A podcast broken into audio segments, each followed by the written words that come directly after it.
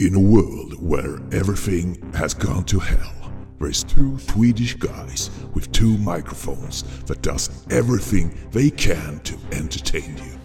They have decided not to give up on you listeners. They will continue their jobs to sort out the good from the bad in the world of movies. No one can stop them to put out their shows in the air. Now, sit back and enjoy when a brand new episode of TT Film Podcast come to you. Rated R.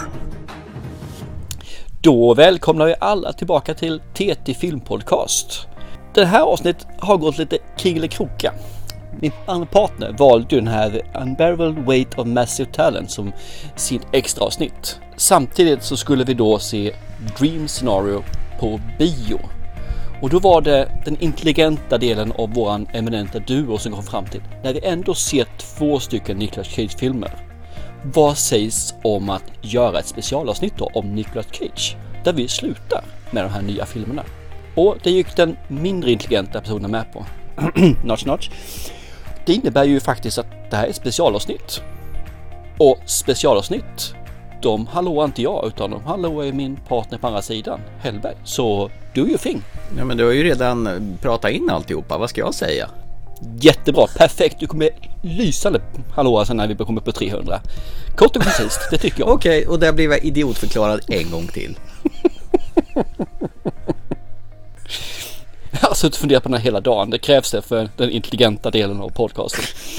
Okej. Ska vi eh, gå in och prata lite grann av den eminenta överspelande skådespelaren i eh, Hollywood här? Nej! Nicolas Nej, Cage. det ska vi inte alls göra.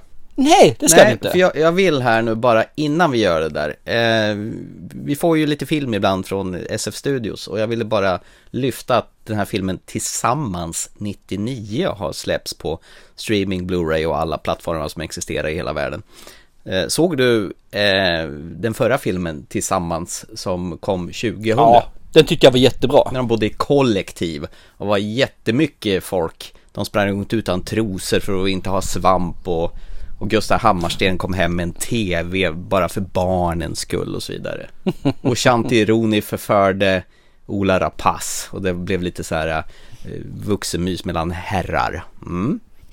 Ja, men den tyckte jag om. Det, jag är rädd för när det kommer sina uppföljare. Jag har inte sett den ska jag erkänna. Utan det handlar om att oftast blir det samma typ av humor. Och den är ju rätt gammal den här Tillsammans ettan. Ja, från 2000. Eh, Den här som kommer nu, den heter ju Tillsammans 99 och ska utspela sig eh, 99.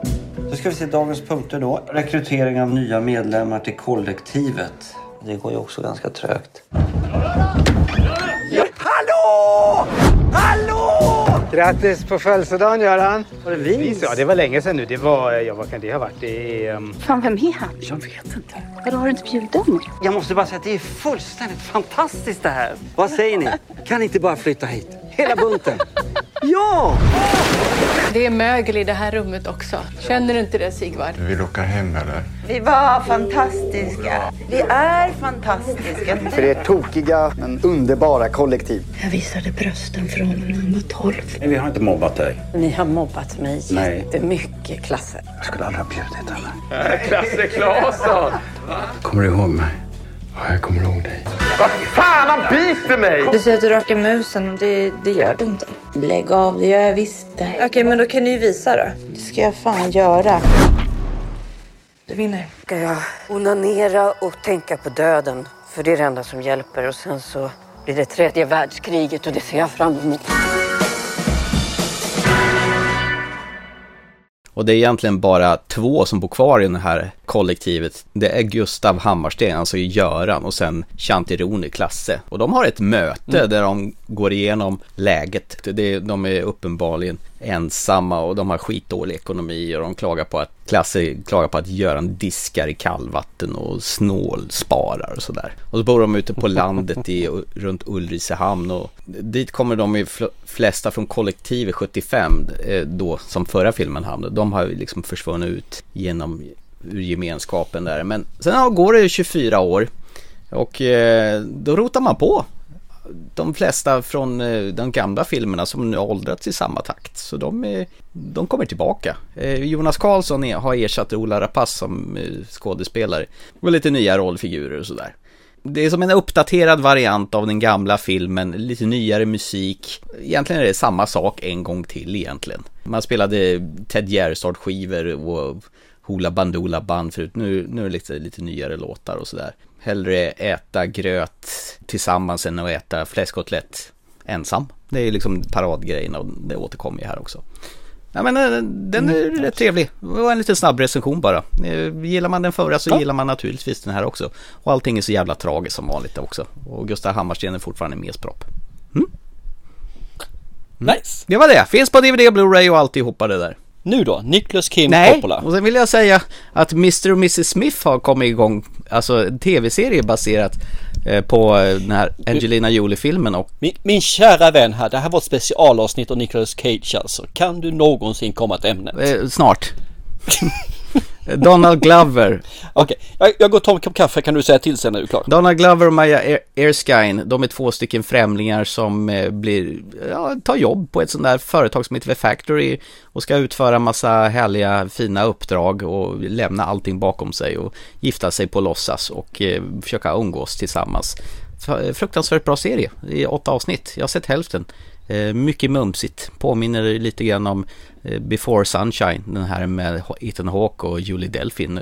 Med sättet de pratar och det är alldeles underbart och ärligt och samtidigt så är det lite spionhistoria. Jag rekommenderas varmt. Finns på Amazon Prime. Så, nu är jag färdig. Nu kan vi gå in på Nicolas Cage. I'm Nick fucking...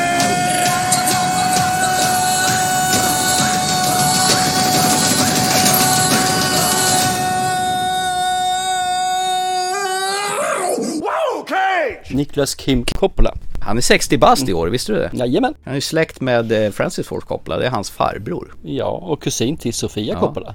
Jag vet inte, vill han inte förknippas med Coppola-filmen i och med att han bytte namn till Cage eller? Han, han vill eh, skaffa sig framgång på egen hand utan att rida på namnet. Han vill inte åka snålskjuts med andra ord. Ja, så att det var därför. Och, och vet du var efternamnet kommer ifrån? Cage då? Eh, Bur, Niklas Bur. Nej, det kommer från Luke Cage, Marvel-hjälten. Han som är oförstörbar. Eh, skojar du? Har han, har han snott det rakt av därifrån? Ja, precis. Aha. Så är det. Ja. Men man kan ju säga så att han har ju haft en lång karriär. Han har ju mm. hållit på redan från 1980 kan man väl säga. Det är, okrediterat enligt 1980 men han var ändå med där säger de. Inte sett filmen Brubaker men eh, man får ju säga att han har gjort på dumligt länge. Alltså 24, 44 år blir det för fasen då ju. Jag tror det första jag såg av honom det var den här häftigt drageplugget. Ja, för 82 då eller? Ja, 82 ja. Eller vad hette mm. den? Fast Time at Ridgemont High. Där även Sean Penn och Jennifer Jason Lee och Judge Reinhold var med. Alltså dåtidens Brat Pack. Ja, det har inte jag sett faktiskt. Det första jag har sett med honom eh, tror jag är eh, Arizona Junior. Är det första tidsmässigt, att man säger så, för 87. Är det den han skär en bebis och ska uppfostra? Japp, precis. Den var rätt rolig jag för mig. Med Holly Hunter tror jag också. Den var rolig då i alla fall. Jag kommer aldrig någonsin se om den för den är nog lite för mycket idag. Vi gör ju mycket spä av honom så vi gör liksom att han är ju... Han överspelar och han gör B-filmer och hela det andra. Men mm. det man inte får glömma är att han faktiskt har en Oscar.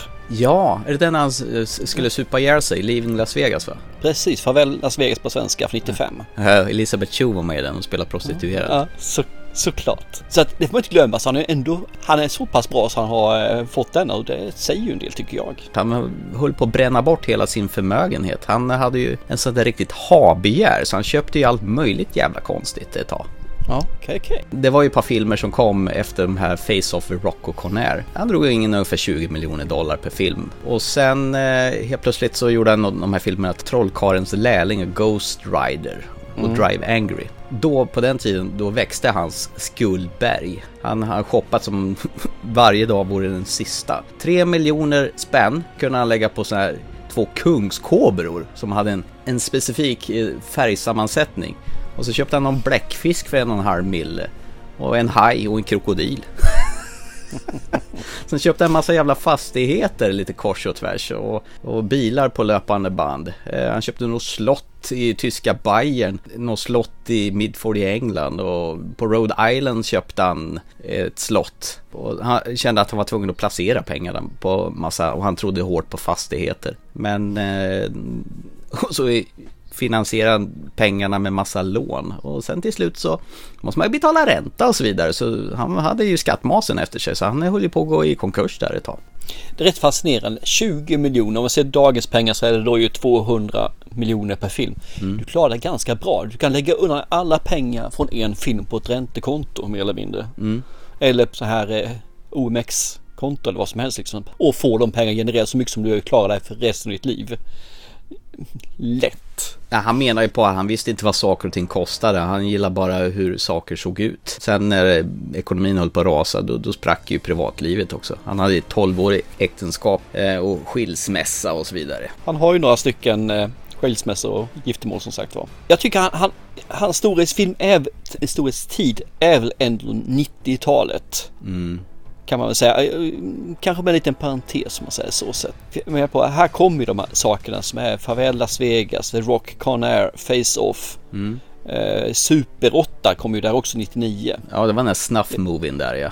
Ja, den är ju hemsk att titta på. Den, den mådde illa när jag såg den. Så den, den tycker jag är riktigt, riktigt hemskt bra om vi säger så då. Han hade en riktig streak där ett tag med, som actionstjärna. Ja, precis. Sen så är det ju han, han, är ju lite, han, han, är väldigt produktiv. Han har gjort över 100 filmer tror jag och sådana saker. Mm. Men det är ju mycket med film också. Du har ju en av mina förhatliga filmer som jag gjorde på 1 och 2, National Treasure som kom där 2004. Du gillar inte dem? Nej, fy fasen. Den är ju skit. Vet, vet varför de kom till överhuvudtaget, de filmerna? misstag säkert. Äh, nej men det, alltså, det var Jerry Bruckheimer som var skitsugen på att producera Da Vinci-koden. Eh, och den gick han och miste där och då, då blev han sur och ville göra en egen. Så han gjorde National Treasure då som en någon Da Vinci-koden light. Ja, det får man verkligen säga är light i sådana ja. fall. Men de gick ju så pass bra så att det blev ju två stycken och jag tror minsann att de håller på att fila på en tredje sådan. Ja okej, okay, för jag vet att det finns en serie också. Ja, National Treasure-serie. Just det, med någon kvinnlig huvudrollsinnehavare där. Jag vet, tror inte att han har någon, att han ska vara med nästa National Treasure i alla fall. Ja, men jag tror minsann att han är intags i den tredje, National Treasure. Han finns inte med på IMDB i alla fall att han ska vara Kanske bara lösrykt, lösa rykten så här. För det värsta är när man kollar nu på när det dyker upp massa sådana här kommande filmer nu på, på, på, på nätet så här. Man vet ju inte vad som är sant och inte sant med allt så här AI-genererat skit som bara rör sig. Jag går mycket på det som står på IMDB och även på deras egna wikipage faktiskt. De anser att de bör vara uppdaterade så pass bra så att eh, det ska vara sant där. Ja. Och finns det inte där, då är det inte på gång. Eh, det, det låter rimligt. Jag får hänga på din, din tes där, helt enkelt. Det, det tycker jag definitivt. Mina, ja. mina teser är ju alltid bättre. Nej men sen så har vi Lord of War, kom 2005. Det tycker jag också är riktigt, riktigt bra. Ja. Det är ju framförallt den här scenen han har en, vad är det någon som har en sån här guld eh, och, eller Kalashnikov så här, mm. bara för att. Och han, den här eh, vårlådan, han skjuter en person. Han bara, Vad gör du? Han bara skriker, vadå, vadå? Du kan inte göra sådär. Varför inte det? Ja, för nu är ju pistolen använd, nu måste du köpa den. Och det tycker jag är, är så här underbar scen där. Nu kommer det så här Warlords, så det kommer nu, eller ja, det finns inget tidsatt. Det är väl sådana här som de håller på och promotar fram kan jag tänka mig. Eh, där, hans, där det ska vara en son med i det här också då. Jag vet inte om den ska bli så bra så sett, men första Lord, Lord of War är riktigt, riktigt bra. Mm. Så har du inte sett den så se den. Ja men jag har sett Lord of War. Den, den är en riktig favorit. Han säljer vapen på löpande band i den filmen. Ja då. Eh, finns en beskrivning att det finns vad var det han sa? Det finns hur man kan döda befolkningen på hela jorden sex gånger om i ammunition.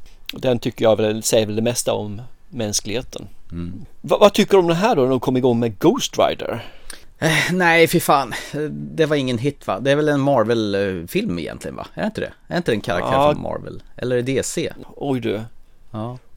Något av dem, jag... något av dem ja, är... någonting av det är det. jag vet jag fan inte. Jag, jag, känner mig mm. helt jävla wasted där. Jag läste lite grann TV-serien faktiskt och tyckte den var lite cool så ja. sett. Inte mycket, bara ett par stycken om man säger så. han åker kompis. motorcykel och huvudet börjar brinna när han... Eh... Ja, precis. Jag tycker de är rätt så B-trevliga. Jag har sett eh, den senaste här nu, Ghost Rider. Men vad då finns det flera den? eller? Ja, det finns två stycken vad jag vet. Eventuellt en tredje också, men den senaste kom ju 2012. Ja, Okej. Okay. Med honom då alltså. Men den, jag tror det finns två med Nicolas Cage i alla fall. Och den här som får 2012 är ju rätt så, ja men vadå? Den är väl helt okej okay, tycker jag. Effekterna är helt okej. Okay. Ja, för, totalt förträngt om jag ska vara ärlig. Ja, men ge den en chans tycker jag i sådana fall. Eh, Ghost Rider Spirit of Vengeance 2012. Okej, okay. men vet du vad jag hade glömt bort att han var med Han var ju med för, för fan i Kick-Ass och spelade någon Batman-variant som Big Daddy. Just det, det stämmer också. Och den var ju riktigt, riktigt bra. Ja. Den Kick-Ass var ju bra. Att tvåan kommer jag knappt ihåg, men ettan den är ju super. Det är framförallt en gång när han ger väl sin dotter då, eh, vad heter hon för någonting? Uh, hit Girl. Hit Girl, ja just det. Hon ger en sån här Butterfly i en liten present va? I, ja. När hon fyller år. Ja just det. Och sen åker de ut och ska han då testa sin skottsatta växt, väst. Och han mm. skjuter henne rakt i bröstet på den där. Gör ju skitont. Och sen blev skjuten en gång senare och gjorde ännu ondare. Då sköt han ju med bara halva mängden krut i henne bara för att hon inte skulle vara så rädd för det. det. En bra pappa det tycker jag. Så skulle jag också med mina barn. Nej men sen så tycker jag det är lite småkul. För han, han var ju borta under en lång, lång tid. Mm. Så han var. Tills egentligen, ja, man kan väl säga, han gjorde Mandy 2018. Ja, den här flummiga filmen ja. Det är en sån där film som jag tyckte var urdålig när jag såg den. Men nu efterhand så känns det som att den, den var rätt så kul. Han, var, han överspelade ju med turbo i den filmen. Mm. Men jag tyckte den var rätt så trevlig i alla fall. Jag minns att det var jag och min arbetskamrat Per som tyckte den var rätt skön och resten idiotförklarade mig för jag hade tagit med ja, den på en skräckfilmskväll. Oh.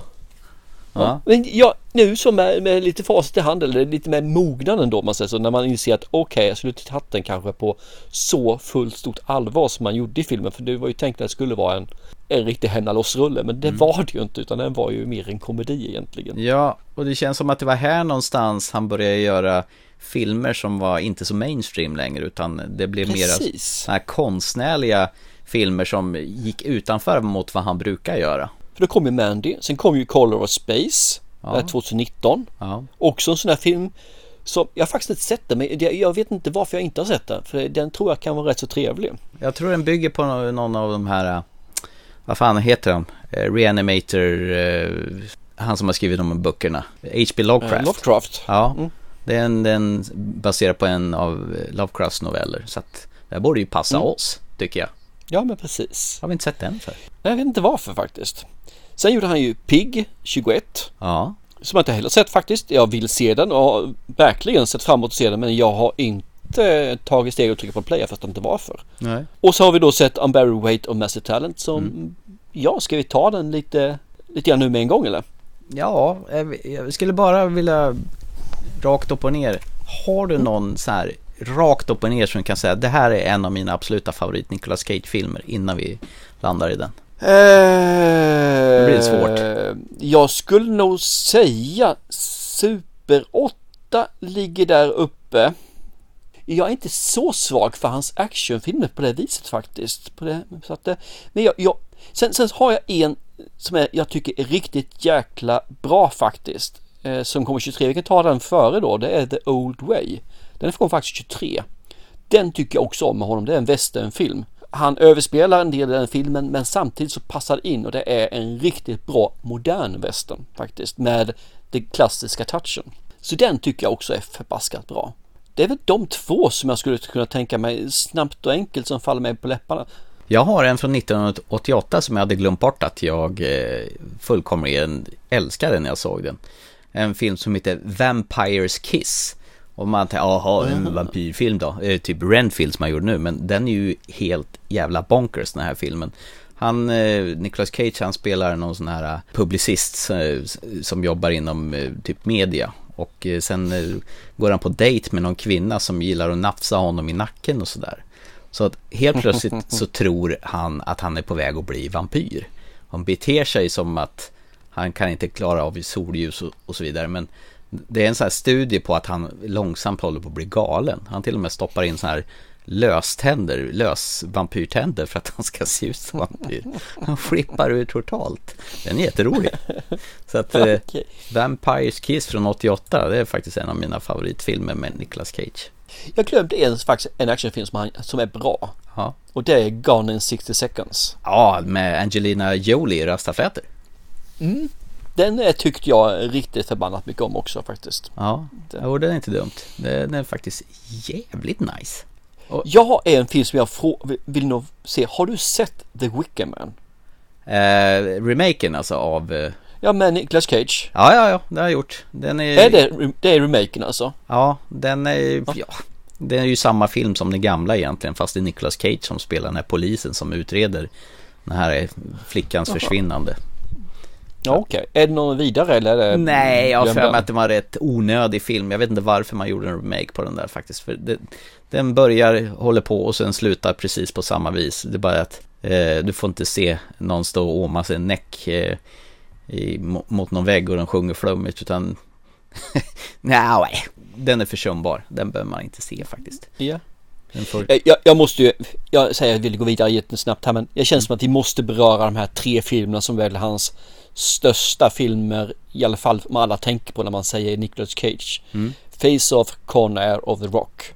Welcome to the Rock. Ja men det är nästan, eh, ja, belagt med självmord tänkte jag säga om man inte tar upp dem här och, och diskuterar dem lite grann. Uh, det, jag tror det börjar väl med The, the Rock 1996 ja. med Sean Connery och han och uh, Ed Harris som den här sure fan som tar massa gisslan på Alcatraz. Det var väl också en Jerry Bruckheimer när de hade sin streak där.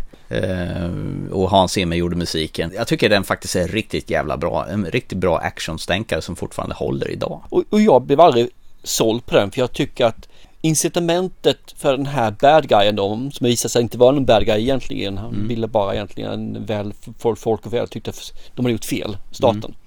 Jag tycker hans instrument var där, oh, tog pengarna, nu tar vi och hotar med att spränga San Francisco eller vad fasen det var för Ja just det, med de här gröna kulorna eller vad fan du nu. Ja precis, någon sån där jävla eh, ZX-gas eller vad heter det för någonting. Jag känner bara, jaha han kör sen så när de säger nej, ja nu lägger vi ner det här, de gick inte med på det.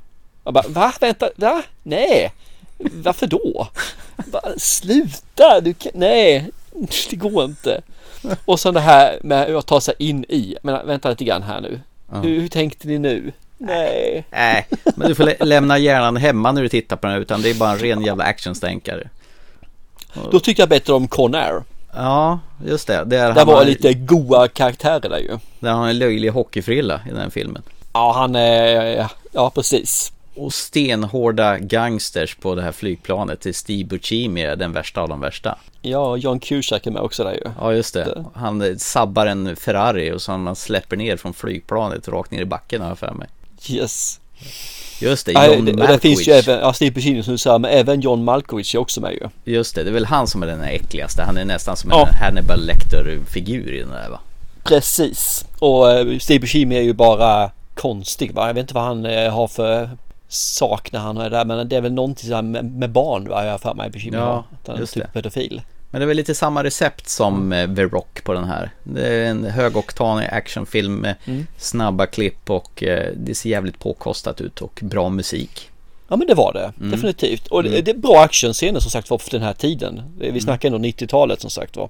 Och sen Face-Off. Och sen Face-Off, just det, det är väl den mest ikoniska av dem. Mm. När helt plötsligt John Travolta och han byter ansikte och så får de olika längd helt plötsligt. Och ja, bredd. exakt. Men är, li, likväl, det är ju underhållning och det var ju det här som var det viktigaste på den här tiden. Att eh, det skulle underhålla. Sen, sen om ja. saker och ting inte stämmer, det, det kan vi lämna därhän. Man, man köpte väldigt mycket som gjorde det. Ja, precis. Jag kan tänka mig, skulle Face-Off göras idag Mm. Så skulle man inte byta ansikte, då skulle man byta eh, mentalt, man skulle föra över din persona liksom hjärnverksamhet, kopiera den upp på nätet och sen ner i den andra hjärnan. Mm. Och på det viset få till det. Men det, ja, jag, jag, tycker om den filmen också. Det är så kul när de har, sitter bredvid, bakom, bakom varsin sida vägg tror jag och så pratar med varandra med pistolerna. Mm. Och det är kul att se liksom, för det här var det första gången som John Travolta är väl den goda från början va? Mm. Och blev väl sen den onda om man säger så. Och det är kul att se honom spela bad guy för han gjorde redan då gjorde han ju det bad guys riktigt, riktigt bra. Och det är här Nicolas Cage har sina guldpistoler som Castor Troy. Just det, det stämmer. Som, som kommer i nästa film också vi ska prata om sen. Ja, det blir väl ett naturligt steg kanske att ta ett sidestep till kvällens första filmrecension kanske. Det kan vi göra, absolut.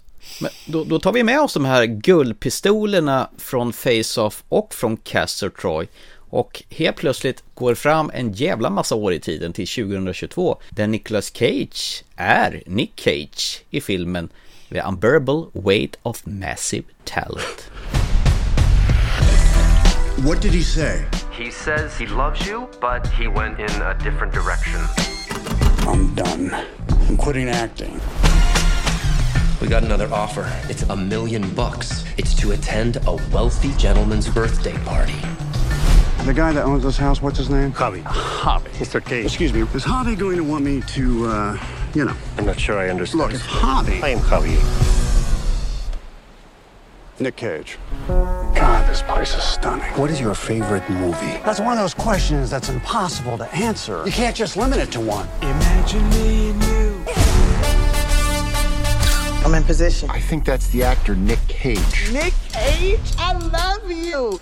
Have you seen Crudes 2? I'm 44 years old. Why would I see Crudes 2? I've seen Face Off and Con Air. What do you guys want? We're with Central Intelligence. Do you know who you're spending time with? One of the most ruthless men on the face of this planet. I need you to help the U.S. government. Let's kill this Find a way into that room, Nick. I can see myself doing more of this stuff. I think I might have a real gift for it. Good, because we got another mission for you. No, no, no, no, no, no. Your friend is working for the U.S. government. Don't lie to me. Are those my golden guns? They're my golden guns. I don't want to kill you. You're the last person I want to kill. I love you. I love you. Whoa, Cage! Ja. Nu, nu känner jag så här att du har ju sett den här senaste av oss två, skulle jag gissa på. Ja, det stämmer. stämmer. Så, så då får du jättegärna dra vad det här handlar om. För det här kan bli klurigt. Man säger så här, det här är en metafilm där eh, Nicolas Cage spelar Nick Cage. Och det, det är viktigt där, för här är liksom Nick N-I-C-K, stavningen är viktig. Det är för att visa upp att det här är inte samma person utan det är bara, ja, alternativt universum, alternativt Nick Cage, om man säger så.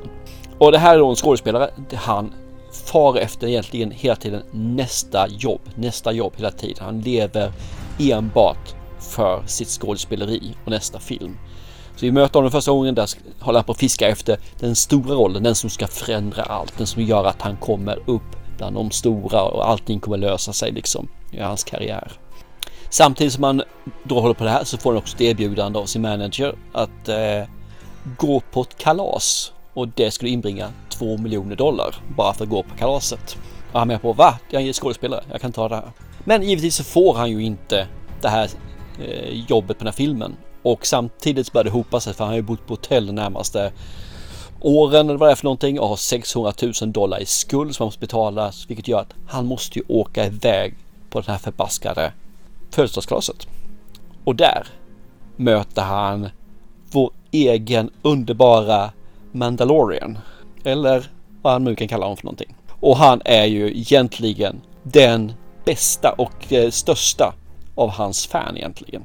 Och det är givetvis, vad heter det, Pedro Pascal Mm. som Javi Gutierrez. Det där är inte lätt, vilken tungvrickare. Ja, helt klart. Vi säger Javi, för det säger de alltid. Javi. Så, så Javi är ju den här hans nummer ett och han vill givetvis göra en film med honom. För han har gjort ett manus som han vill att Nicolas Cage ska vara med i hans film. Och där får vi även träffa på när han får se en full-size vaxdocka av sig själv bärande på de här två guldpistolerna. 6 000 dollar kostar de. Och de, den säljs inte för 20 000 dollar. Hur mycket han ber. Fotnot här också. Givetvis så blir det ju en liten twist här. För han har ju problem med sin tonårstjej och sin exfru.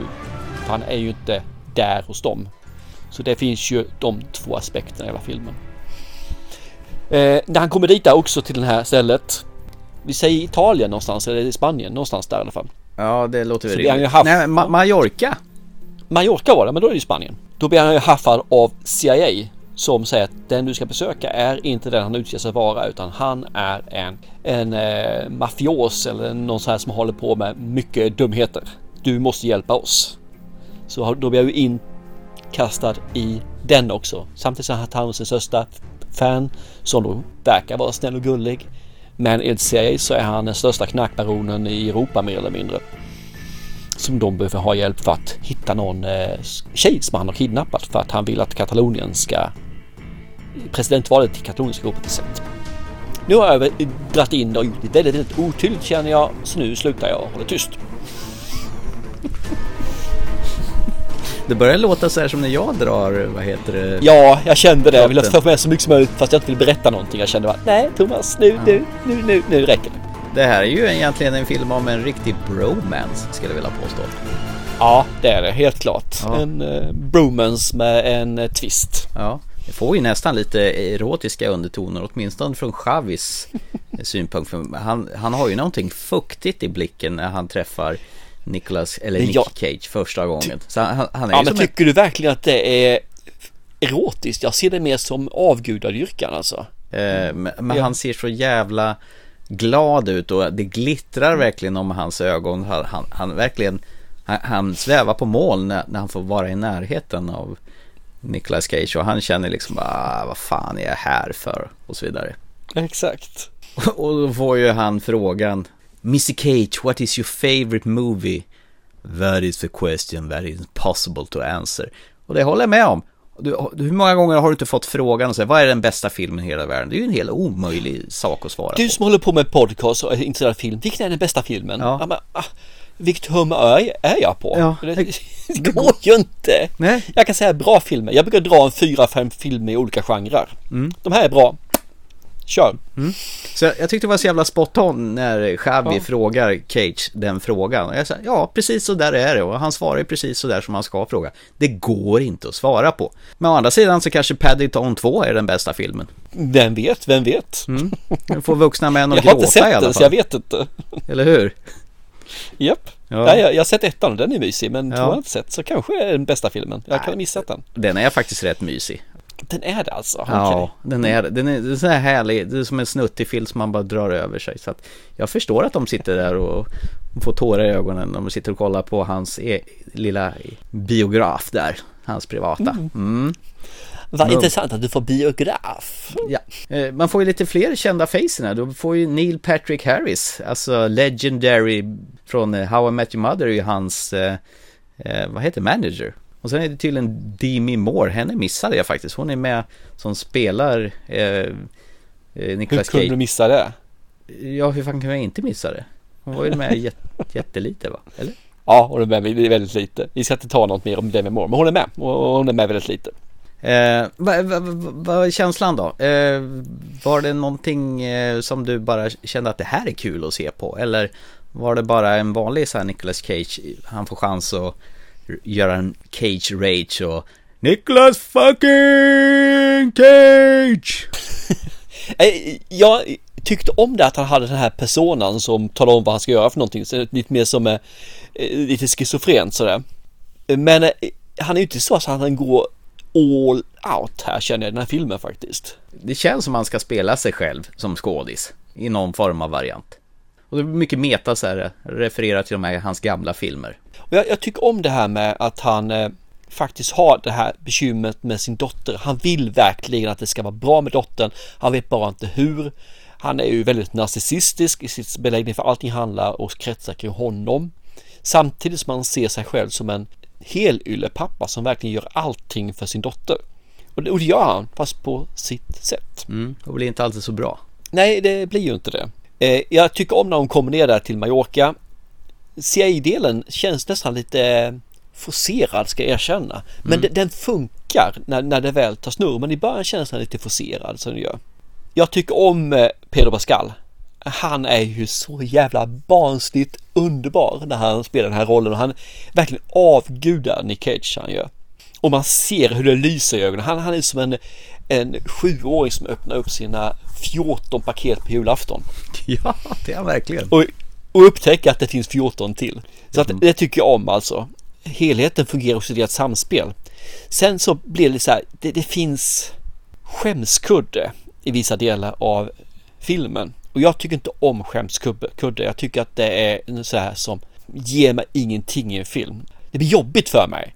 Om jag pausar en film mitt under en skämskuddedel så har jag dyngst svårt att sätta igång filmen igen. För det, är bara, jag vill inte se det här för det är bara så jävla pinsamt. Så det, kom in där också.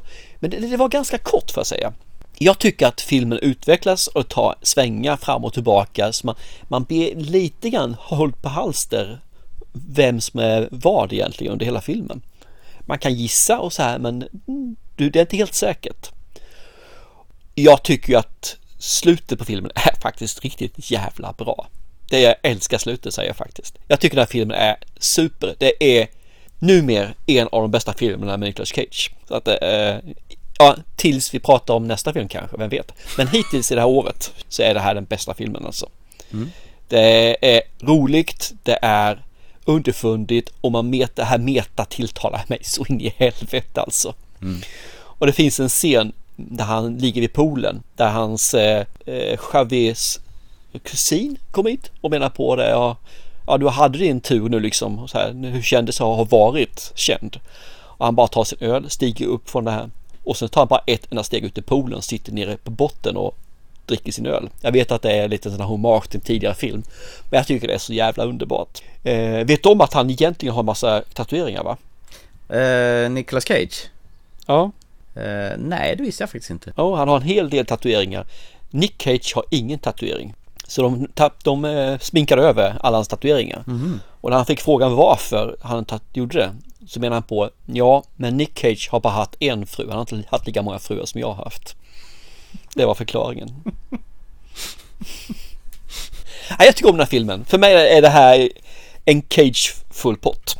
Superfilm. Den, den slår eh, alla på fingrarna så sätt. Nu är det här en komedi så det går inte att jämföra med Super 8 som jag tycker är också en fantastisk film. Men usch, jag, jag, jag hade nytta av den här filmen. Jag skrattade och eh, blev hänförd ibland faktiskt också. Ja, ja, jag håller med. Det här var ju faktiskt ett riktigt jäkla lyckopiller till film. Där har du, lyckopiller, tack, bra uttryckt. Eh, det är ju fint att se två vuxna män drar LSD och, och åker bil ut i bergen och blir höga som hus. Och börjar liksom skratta hysteriskt över att klättra över en mur till exempel. Ja, Det är så jävla bra. när, man, när man kan gå runt den. Ja, nej men herregud Nej, men det, alltså. det är så jävla bra. Ja, och, och jag säger så här, Pedro Pascal han växer ju bara i mina ögon alltså. Han är fan mångfacetterad den där karln. Ja, han är ju det. Ja, men han, han är, det är som du säger, han, han, är, han är som en, ett barn i en vuxen kropp och bara tindrar och man ser ju verkligen hur han njuter och han är lycklig. Och, men han är ju som sagt på riktigt, han är ju jättefan till Nicolas Cage privat också. Han är det alltså, okej. Så det kanske inte är så svårt att applicera det på filmen också, när han i, tycker så. Och så är det helt magiskt när, man, när han kommer in i hans lilla mancave och han har ju samlat en jädra massa merch från Nicolas Cage alla tidigare filmer.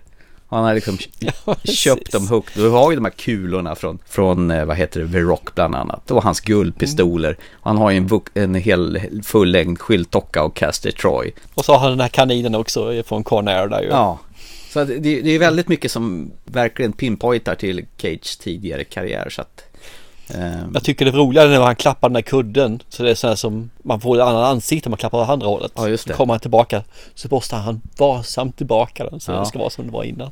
det roliga var att när den här filmen var slut så gav Nicolas Cage alla i produktionen en varsin sån där kudde. Som tack. Ja, visst. Ja. Underbart. Nej men det, jag håller med, det här är fan en av de bästa filmer jag har sett med Nicolas Cage. Det här var ju så en riktig mumsfilm som man säkert kan återkomma till lite då och då. Jag tror det, absolut. Jag tror också det är en sån här film man kan komma tillbaka till. Jag kanske kommer se den igen. Framförallt skulle jag nog kunna tänka mig att se den med, nej, jag, jag, tar tillbaka det. Jag har ingen jag kan tänka mig att se den med. Jag tänkte här i familjen, jag tänkte Oliver, min son, men han fattar inte Conair och de här för det har inte Nej, han okej. sett. Katta sambon, hon skulle inte förstå filmen. Nej. Däremot skulle hon tala referenserna. Det är lite roligt, i början av den här filmen så står ju han och bubblar med eh, den här eh, regissören då som han gärna vill göra film med. Eh, Det, Mm. det är David Gordon Green. Egentligen så skulle det vara Quentin Tarantino han skulle, vad heter det, bubbla med i början där. Men han var tydligen upptagen på annat håll. Vad jag förstod. Så de fick nöja sig med honom istället. Upptagen på annat håll i det här fallet betyder jag vill inte. Ett snällare sätt att Det är en säga. scen på tre minuter. Eh, nej men jag tycker om det här just att det är liksom en meta Mm. och han har varit väldigt negativ till att göra den här typen av filmer, metafilmerna om sig själv. Mm. Däremot var han ju fast i den här filmen då och det är ju rätt så kul med tanke på att regissören har gjort en film innan det här. The Awkward Moment som jag inte har sett och, från, Nej. och den är från 2014 så den är åtta år innan. Jag vet inte, jag har varför inte sett den tidigare? Det är alltså en 22-film det här. Ja, jag vet. Och det, det är helt fantastiskt. Vi har tänkt att se den länge så att jag tackar ju dig eh, oerhört mycket att du nu tvingade mig Mm. att se den här filmen. Jag tror grejen var att säga att jag hade, jag hade någonstans i bakhuvudet att det här kommer vara en riktig jävla smaskig rulle. Och på något sätt så här, Mm. Jag vill gärna spara den här till något bra tillfälle. Jag vill jättegärna se den, men jag vill ändå ha den osedd så jag har någonting att se fram emot. Det var nog lite så känslan var. Och mycket, Oj, rikt- okej. mycket riktigt så var det ju här en riktig gottepåse. Det här var verkligen en godispåse med sutt och salt och hela, ah, hela registret. Jag har fan full pladask för den här. Mums! Ja, nej men jag håller med. Man blev glad av den. Det var bara det som smolket bägaren var den här eh, som jag tycker var lite pinsamma situationen i filmen. Men eh, det, är- den, glöm bort det. Filmen är bra i alla fall. Riktigt förbaskat bra. Det får man ta. Så då kan vi säga att vi Jajamän. båda rekommenderar The Unbearable Weight of Massive Talent. Jävligt krånglig titel, eh, men ändå.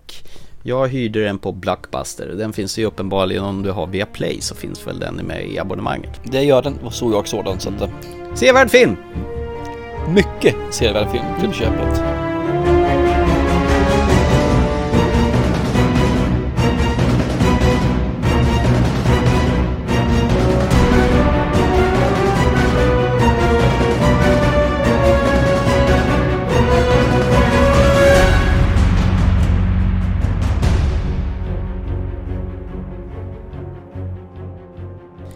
Du, vi var ju på bio också här ju. Ja, absolut. Eh, tack vare våra kompisar på Scanbox så har vi ju nyss sett A24s senaste film med också Nicolas Cage. Och det är ju en regissör som heter Christopher Borgli, en norsk regissör som har gjort den här filmen. Eh, och filmen som nu är biaktuell eh, med Nicolas Cage i huvudrollen heter Dream Scenario.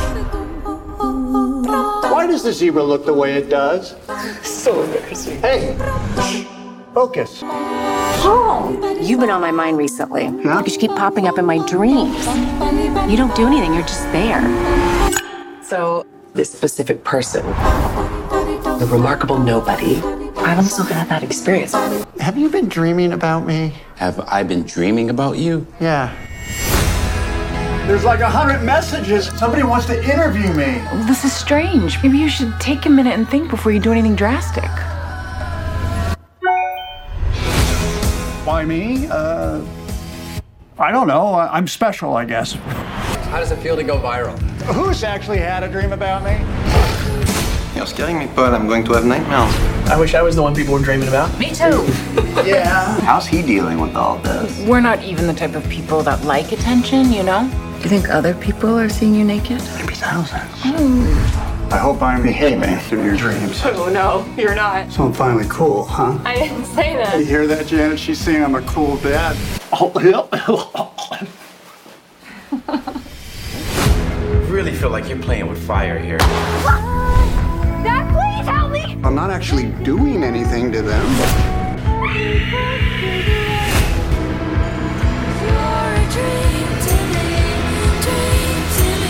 I guess I'll, uh, guess I'll see you in my dreams. yeah. Of course not.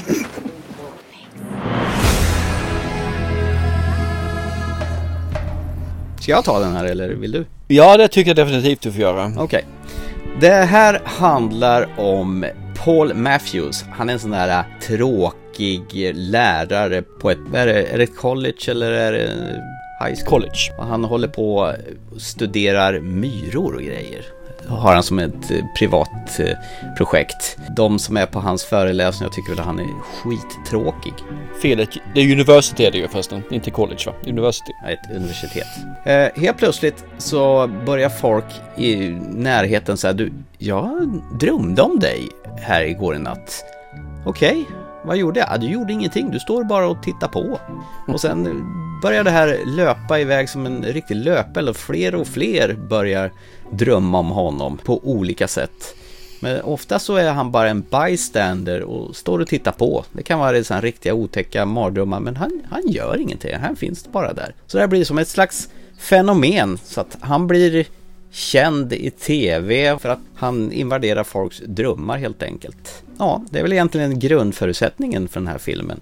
Saker och ting tar lite oväntade vändningar vad det lider men det tänker inte jag gå in på.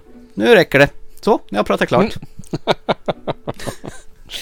Bra, du bli duktig på det. Det är jag som är skit på det. Nej, jag vet inte. Den här är ju en sån här film som man gärna inte får ge ifrån sig för mycket. Eh, tyvärr så såg jag ju trailern på den här filmen och det sabbade lite grann tycker jag. För själva för, för upplevelsen. Hade jag helst velat gått in mm. med det här med ett blankt papper. Såg du trailer på den här? Jag såg trailern också. Mm. Jag tyckte inte den sabbade så mycket faktiskt. Okay. Men eh, jag förstår hur du tänker. Ja. Men en Nicolas Cage med en riktig jävla mittbena, det vill säga han har bara hår på lite sidorna på helt skallig i mitten där.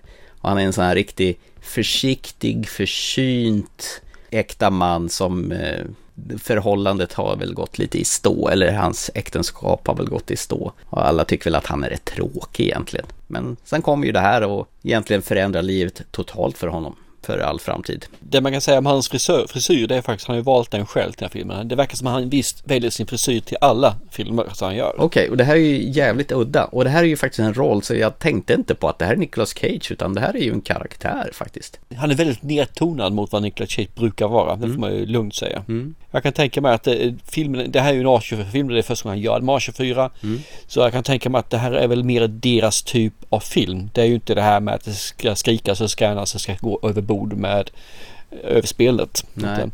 Vad eh, var dina första spontana reaktioner på den här? Eh, vi satt och tittade på den och jag tycker han är ju som du säger en beige tråkig person vilket gör att filmen blir faktiskt rätt intressant här i början. Mm. Med ihop med sin fru. De verkar väl ha ett ett bra förhållande men det är väl rätt så eh, det är väl inte världens mest eh, romantiska förhållande om man säger så. Inte den här hetleva utan det, de är sakliga. Det fungerar bra liksom.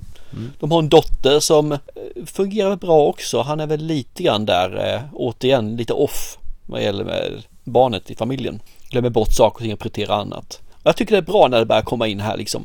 Sen så när det gått en stund i filmen jag vet inte vad filmen är, 1.40 någonstans där? Mm, 1.42. Ja, så 1.40 där ungefär då alltså. Så känner jag bara, fy fan vad tråkigt. Det händer ingenting. Det bara står och stampar vatten. Det är liksom varken hit eller dit eller upp eller ner eller någonting. Det är bara, det är som en blank, spegelblank sjö. Där det inte finns någonting, inte ens en reflektion.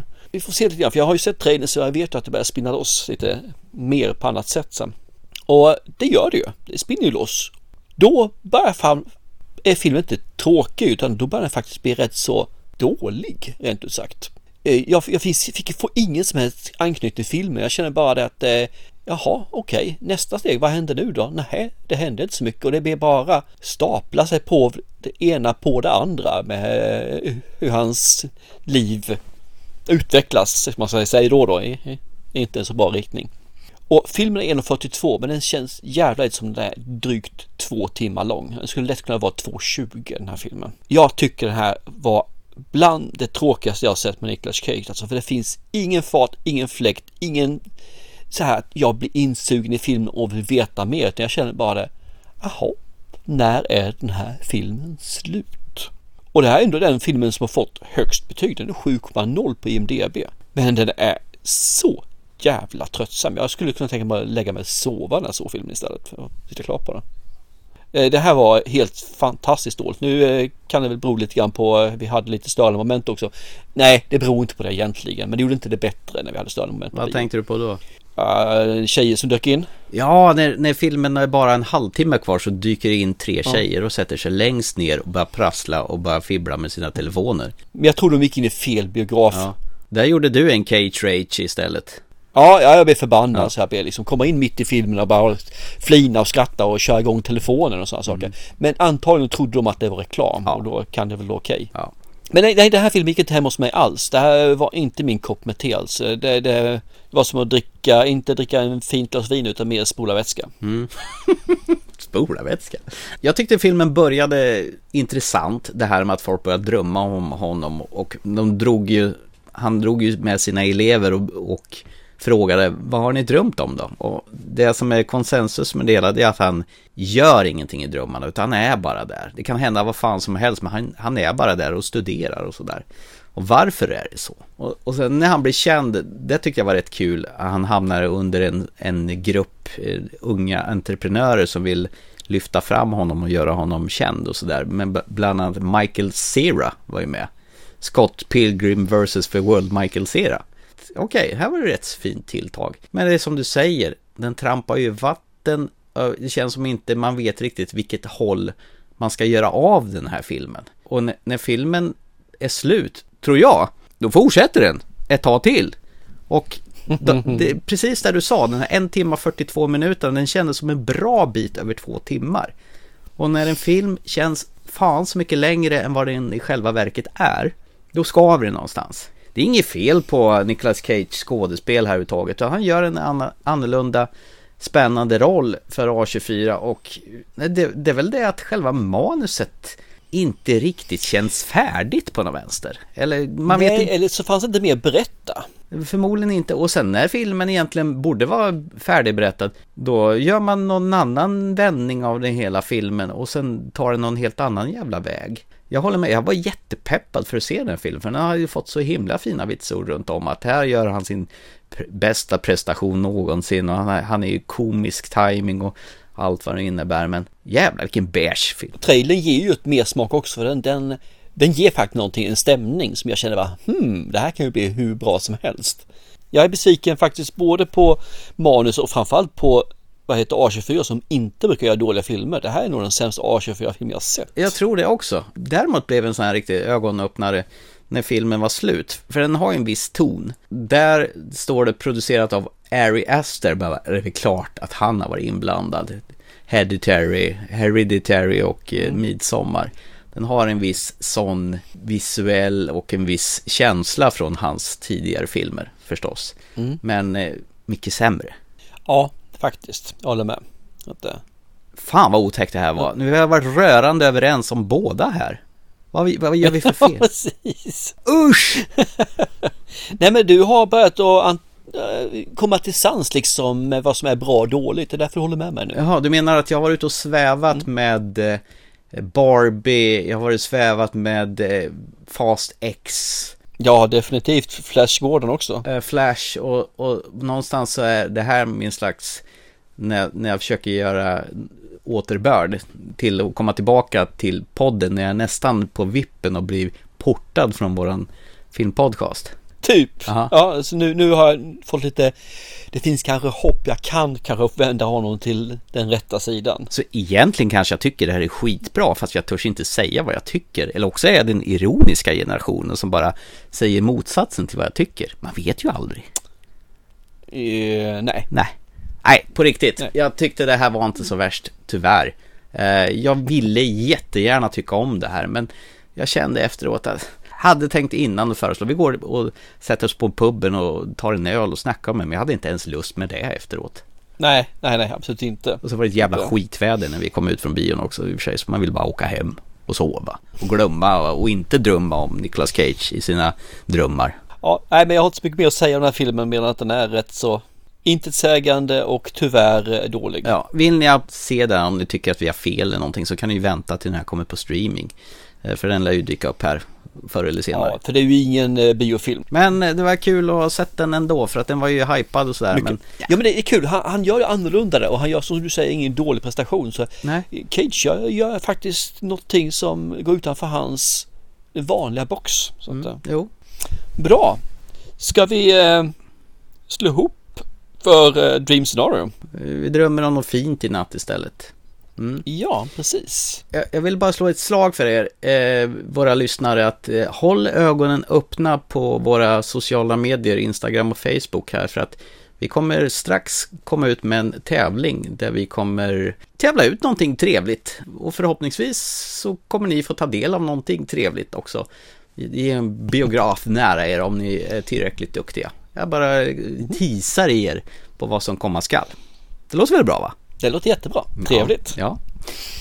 ja. Eh, min tur var The Unbearable Weight of Massive Talent att se på så att eh, nu går väl eh, facklan över till dig Thomas Törnros och välja någonting till nästa program. Ja, och jag har ju sagt så här att jag vill ju att du så här komma till freds när det gäller att må dåligt inför kanske inte behöver inte alltid vara döden, men eh, åt det hållet i alla fall. Alltså, Lite så här filmer. Så du ska få se en film, en tonårsfilm kan man nästan säga att det här är på sätt och vis.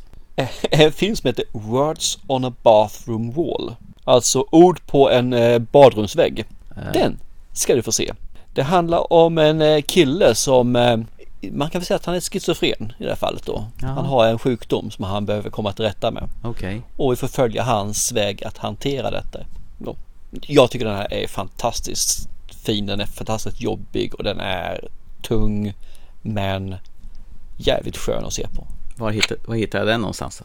Oj, det har inte jag kollat upp än ska jag erkänna. Det var bara sånt där som dök upp. Jag, jag rotar igenom mina streamingtjänster, någonstans borde jag väl hitta den i alla fall. Ja. Ikväll har vi då pratat om Nicolas Cage karriär från början, från vaggan till graven höll jag på att säga, men han är 60 år och fortfarande verksam.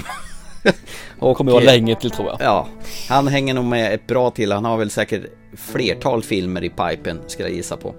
Vi har pratat om lyckopillret, kom vi fram till att det var. The Unbearable Weight of Massive Talent, där Nicolas Cage lika delar Pedro Pascal gör en fantastisk bromance-film där action och komedi blandas med meta, fantastiskt härlig.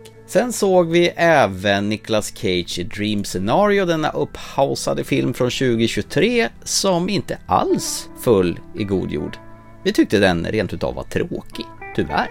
Det var väl det vi har snackat om idag. Vi lyckas ändå bränna av en massa tid för er i andra änden. Exakt. Hoppas att ni tyckte det var trevligt ändå. Så. Perfekt. Ja. Då gör vi väl det vi alltid gör. Ja, vad är det då? Vi avslutar på den. Det gör vi. Och ni andra, se för tusan med Unbearable Mass of... Nej, The Unbearable Weight of Massive Talent. Det, ni kommer inte ångra er. Och så hörs vi om ett par veckor igen. Det gör vi absolut. Chip chip!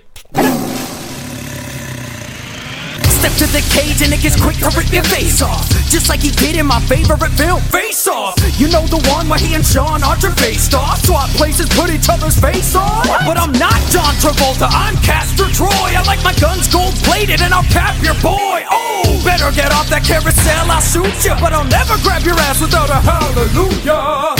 Wait, Joe Exotic getting played by Nicholas. All he has to do is look like he got syphilis. Beat a Tiger King, you gotta lower your appraisal. And just like in racing Arizona, gotta snatch kids from cradles. That would be crazy, kidnap a baby out his carriage, getting beaten down heavily just to fix his broken marriage. An underrated. Killed the machine when rain started to fill up. I saw the biggest secrets lies up in 8 millimeters. Because Nicolas Cage is a tiger, the type of man who cannot be tamed. So when you try to cage up the tiger, you'll bring the tiger right out the cage. Nick Cave and David Lynch, what a tight combo. And Wild at Heart, Silly Ripley was the bomb, With a snakeskin jacket representing symbolically his individuality and freedom hyperbolically. With Wizard of Oz references throughout. Cage becomes a father, but Laura Dern is left in doubt. Will he love her tender when he's out of prison? A violent fairy tale full of very poor decisions. Beat the sequence. Local cop got some sleazy secrets. Beautiful wife and a girlfriend that he can sleep with. Placing best mondo. Dressing up like Don Ho. Got an eye on the blind. He's trying to take back to his condo. Whoa. Assassination in Atlantic City. Save the victim. Spitting blood on this corrupt system. But Lil Ricky wrote Snake Eyes. It's that easy. The house wins, but hey, at least he got on TV. Eight years and I didn't crack. I bought a bunny and I bring him back. He's in a bag, in a box, in a tube that's rolling through the sky with a whole lot of rude dudes. A weak man might raise hands to the sky, yellow white meal, wiping cold sweat from his eyebrow. I'll be me, you could be John Malkovich. Get away, put the bunny in a box, bitch. The cage yet again, part of action history. Tearing San Francisco from what could have been its misery. They call me Red, even though my neck ain't. Middle name is Revenge, and I'll get straight with the coke that killed my Mandy. Damn, I'll knock back some vodka, don't need any pants. Got an extra grind, But first to forge one, pick up a chainsaw and forget your sword, son. I take a lot of licks, now I'm tripping balls. They rip my favorite shirt, now I'll kill them all. Because Nicolas Cage is a tiger, the type of man who cannot be tamed. So when you try to cage up the tiger, you'll bring the tiger right out the cage. Now listen, this is a Nicolas Cage cipher.